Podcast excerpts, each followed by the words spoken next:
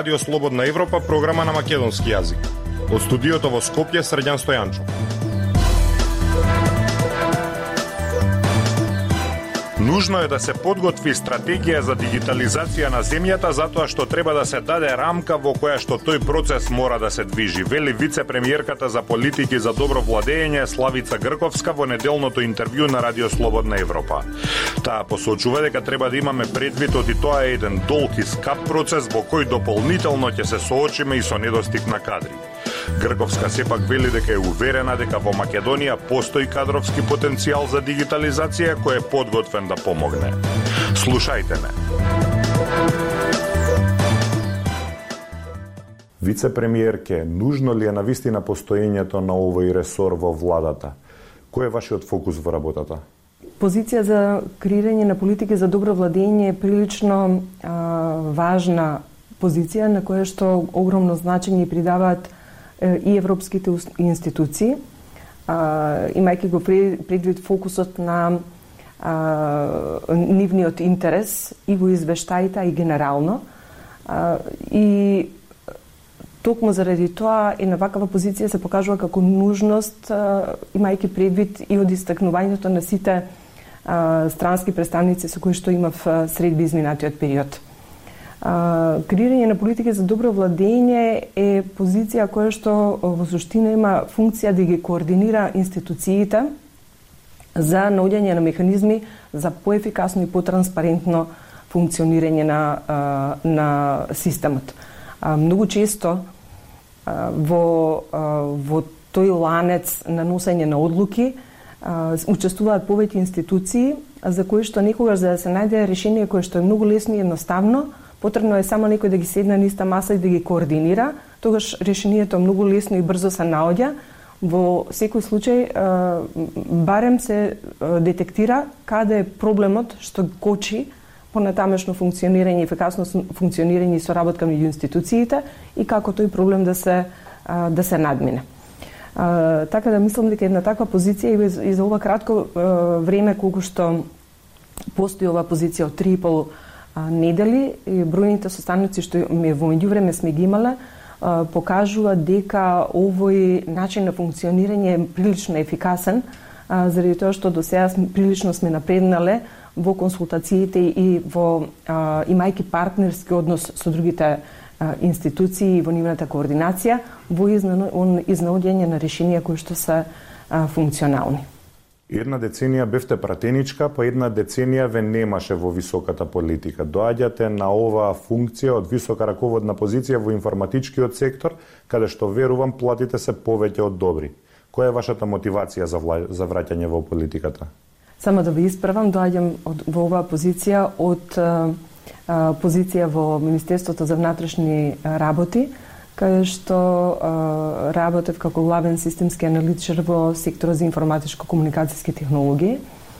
А, мотивацијата беше позицијата која што ми беше понудена. Токму позицијата за креирање на политики за добро владење, а, заради тоа што искуството што претходно моето политичко искуство што го имав претходно како советник во град Скопје и како пратеник а, три мандати, кој што потоа континуирано продолжи и во а, приватниот сектор во IT компаниите, а и понатака во Министерството за внатрешни работи, а, кој што главен а, при, во кој што главен фокус ми беше наоѓање на механизми за ефикасно функционирање на а, на тимовите, а, процесот на дигитализација практички а, дојде како некој природен континуитет на, на се она што претходно сум го работала за мене беше голем предизвик а, и едноставно а, можност и голема обврска и голема одговорност а, да се обидам целото искуство, искуство што до сега сум го а, стекнала, да го ставам во функција на интересот на граѓаните и а, да се обидеме да направиме што е можно потранспарентен и поефикасен систем кој што ќе функционира и а, кој што многу побрзо и поефикасно ќе сервисира потребите на граѓаните.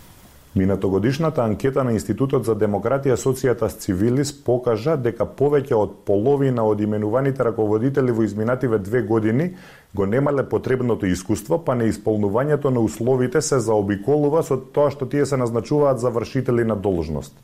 Имате ли моќ да се спротивставите на ваквата распределба на функциите во која партиската припадност е единствен критериум?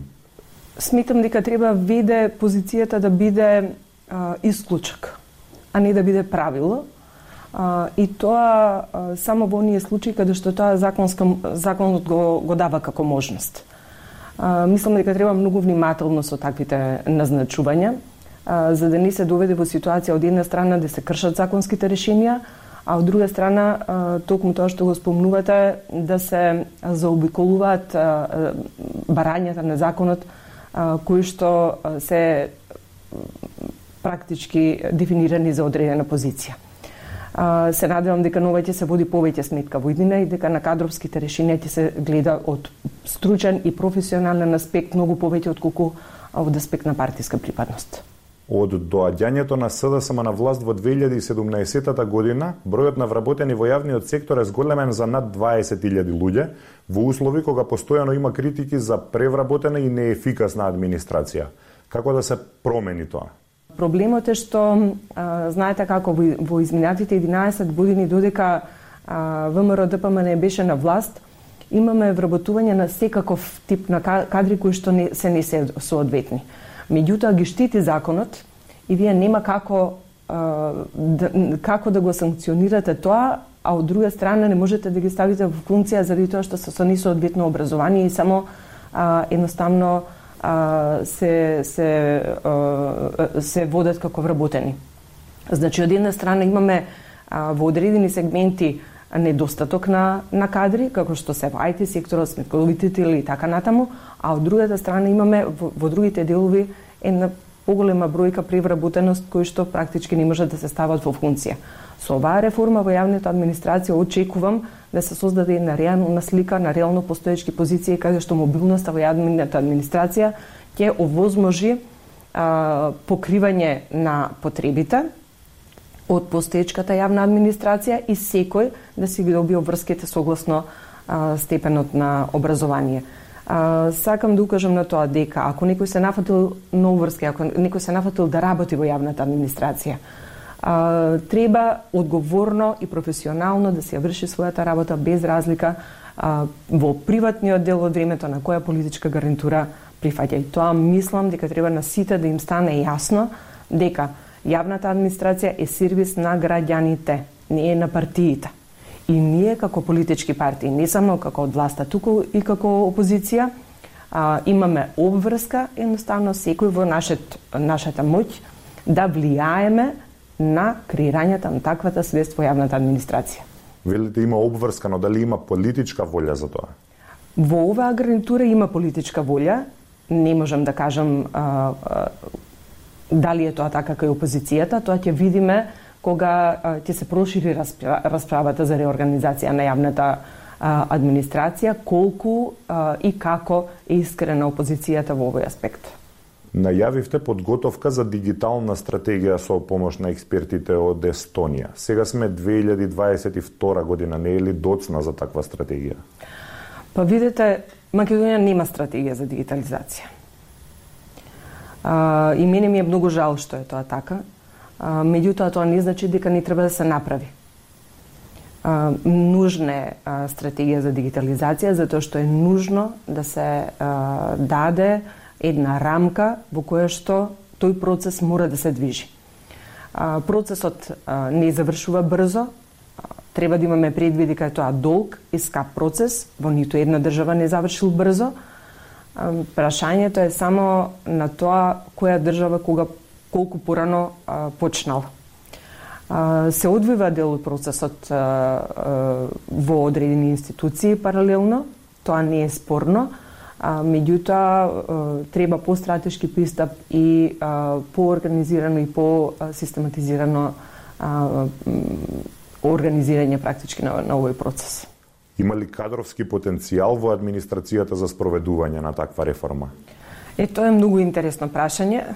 Тоа а, дополнително ќе се соочиме со, со недостиг на кадри, а, како што кажав, од една страна од IT секторот, од телекомуникации, а, од друга страна убедена сум дека во Македонија има квалитетен човечки потенцијал кој што сака да се стави во функција и кој што ќе придонесе многу за, за овој процес. Антикорупцијската комисија се пожали дека од 165 иницијативи за кривично гонење во изминатите две децении само три стигнале до суд. Која е смислата на нивната работа ако никој не реагира по нивните укажувања? Јас воопшто не би го довела во прашање постоењето, постоењето на Државната комисија за борба против корупцијата.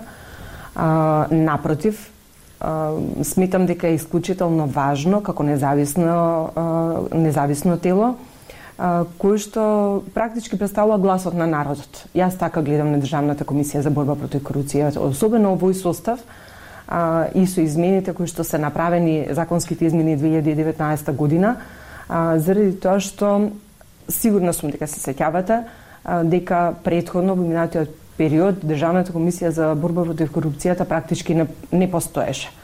А, и можеме само ретко да се сетиме на, на редки пресконференции каде што а, имаше некои чудни формулации од типот нема веќе прашања, тоа е тоа, немој да ме прашувате понатака, за разлика од оваа овој состав на Државна комисија за борба против корупцијата, кој, кој што е прилично охрабрен, а, има гласност, покренува иницијативи, покренува прашања.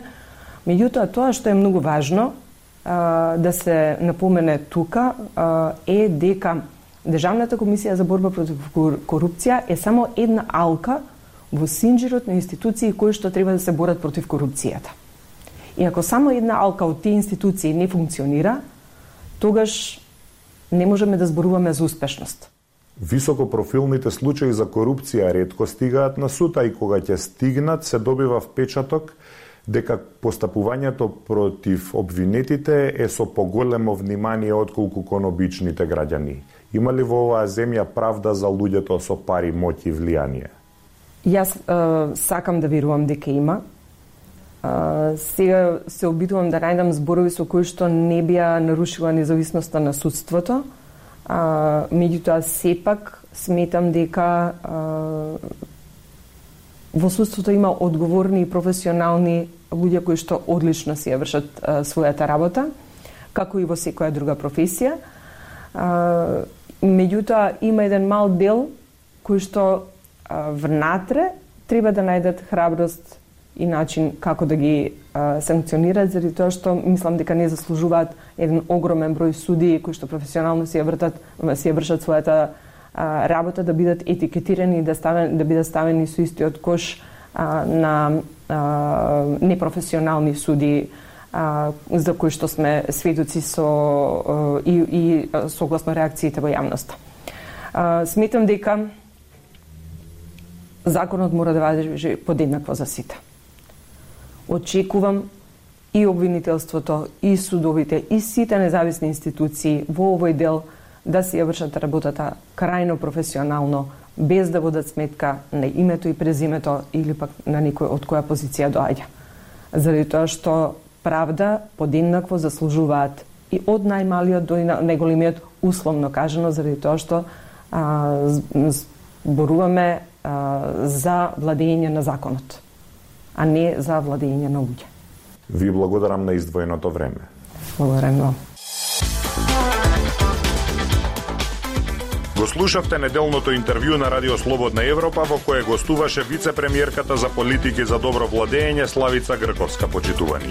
Од студиото во Скопје со вас беа продуцентот Дејан Балаловски и Срдјан Стојанчов. До слушање.